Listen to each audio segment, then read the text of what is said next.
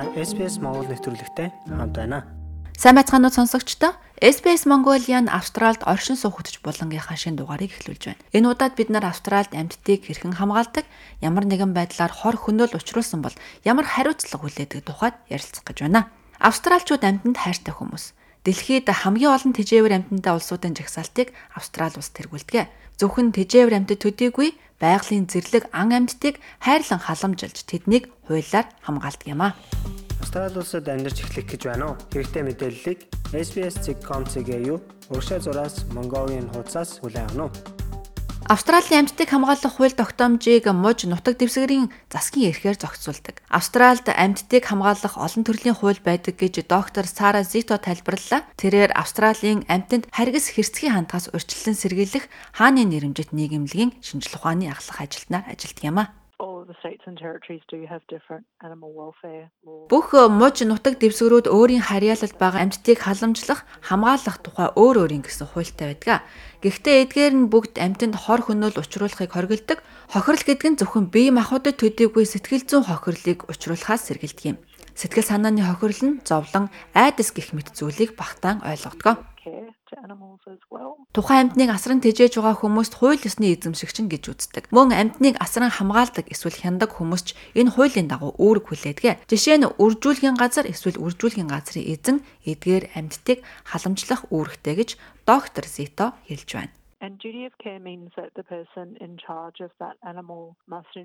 Асран халамжлах үүрэг нь тухайн амьтныг хариуцаж байгаа хүн зохих ёсоор нь хоол ундаар хангах, устай байлгах, амьдрах нөхцөлийг нь хангах, за амьтныг хор хөнөөл учруулахаас урьдчилан сэргийлэх багасхахыг хэлж байгаа юм а. Мөн урьдчилан сэргийлэх зорилгоор эмчилгээ шаардлагатай үед нь мал эмнэлгийн тусламжийг цаг алдалгүй үзүүлэх үүргийгч бас тэд хүлээдэг. Мөн амьтан байгалийн зан үйлийг нь илэрхийлэх чадвартай байлгах ёстой эдгээрийг тухайн төрөл зүйл бүртэн тохирсон байдлаар амьтандаа харьцаж тэдэнд хор хөнөөл учруулахгүй байх шаардлагыг энэ хуулиар заасан байдаг appropriate to the species and not going to cause them harm or distress.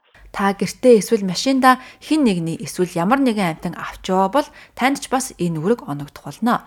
Та үүргээ биелүүлэхгүй бол ноцтой хариуцлага хүлээдэг тухай Австралийн амьтанд харгас хэрцгий хандгаас урьдчилан сэргийлэх нийгэмлэгийн хэвлийн төлөөлөгч Лаура Вемен Джонс бидэнд ярьсан юм а. Амьтныг үржүүлэх ялангуяа бизнесийн зорилгоор үржүүлэх нь тэдний хувьд харгас явдал юм ялангуяа үзэмжтэй өхөөрдөн болгох гэж үржүүлсэн амьтдын эрүүл мэндийн асуудал хариуцлага хүлээх тодорхой шалтгаан болдгоо.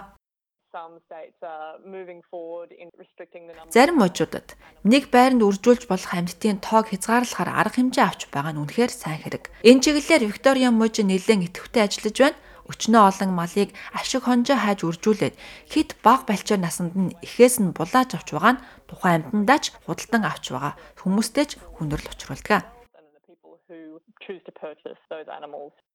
Та амьтан авахар төлөвлөж байгаа бол тэднийг аврах газраас ч бас авч болдог гэдгийг энд онцлон дурдъя. Тэнд байгаа эрүүл тэжээвэр амьтдыг авах хүн олдохгүй бол устгалд оруулдаг. Тэжээвэр амьтны тухайд ийм байгаа бол Австралийн уугуул ан амьтдын тухайд дараагийн хэсэгтээ онцлоё. Австрали бол байгаль цаг үрийн онцгой нутаг.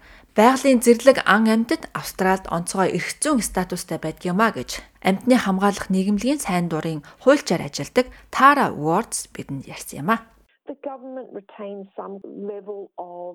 Нутгийн уугуул амьтдыг хинч эзэмшдэггүй учраас засгийн газар тодорхой хэмжээний хараа хяналтаа тавьж байдаг. Тиймээс зэрлэг ан амьтад унган амьтадтай хэрхэн харьцах талаар төрөөс зохицуулалт хийдэг гэсэн үг юм.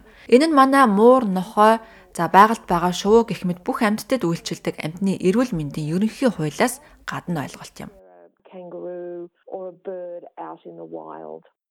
та засгийн газраас олгосон лицензгүй бол ихэнх нутгийн уугуул амьтдыг авах, тэдэнд хор нөлөө үзүүлэх агнах нь эрүүгийн гэмт хэрэгт тооцогддог. Зарим ховорцсон амьтдад илүү чанга хамгаалалттай байдаг.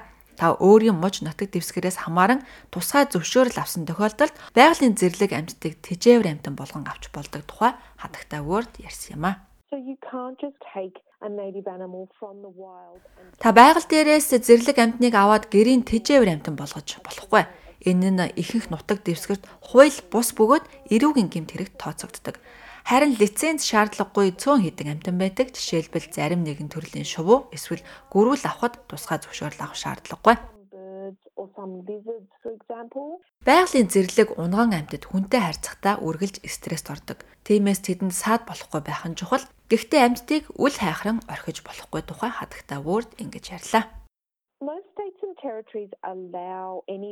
За ихэнх можуудад бидний арын хашаанд тааралцсан амьтдыг авах эсвэл гадаа явж байгаад бэртэж гэмтсэн эсвэл ямар нэгэн байдлаар тусламж хэрэгтэй болсон ан амьтантай тааралцсан бол авахыг зөвшөөрдөг. Ихэнхдээ машин мөргүүлсэн амьтдыг авч асрах нь зөвшөөрөгддөг. Харин тусгай зөвшөөрөл шаардлагатай амьтдыг малын эмч эсвэл зэрлэг амьтан асран хамгаалагчид аваачж өгөхийг хуулиар зөвшөөрдөг. Амьтныг хамгаалах хуулийг зөрчвөл өндөр хариуцлага тооцдог. Үүнд торгуул, бүр шоронд хорих зэрэг ноцтой шийтгэлүүдийг оноодог тухай зэто ярьлаа. Хуулиуд нь мууч бүрт өөр байдаг шиг санаатай харгислал, хайхрамжгүй байдлын тухай хуулиуд бас өөр байдаг. In New South Wales, the maximum jail term is five years. In New South Wales мужид гэхэд хорих ялын дээд хэмжээ нь 5 жил байна. Харин Queensland-д 7 жил, Western Australia мужид 5 жилийн хорих ялыг оноодог юм байна. За мөн нэлээд том хэмжээний торгуул ногдуулдаг хувь хүнд 200 мянган доллар, харин байгууллагад 1 саяас дээш хэмжээний торгуул ногдуулдаг. Амьтныг зодож алах эсвэл үнэхээр жигшүүрт зүйл хийсэн бол амьтны харгислалын хүндрүүлсэн гэмт хэрэг хэмээн үздэг юм байна. Like beating an animal to death or something really heinous. Аливаа амьтанд харгас хэртгий хандсан тэр дундаа үл тоомсорлон хайсан тохиолдол байвал та албаны газарт заавал мэдээллээрэй.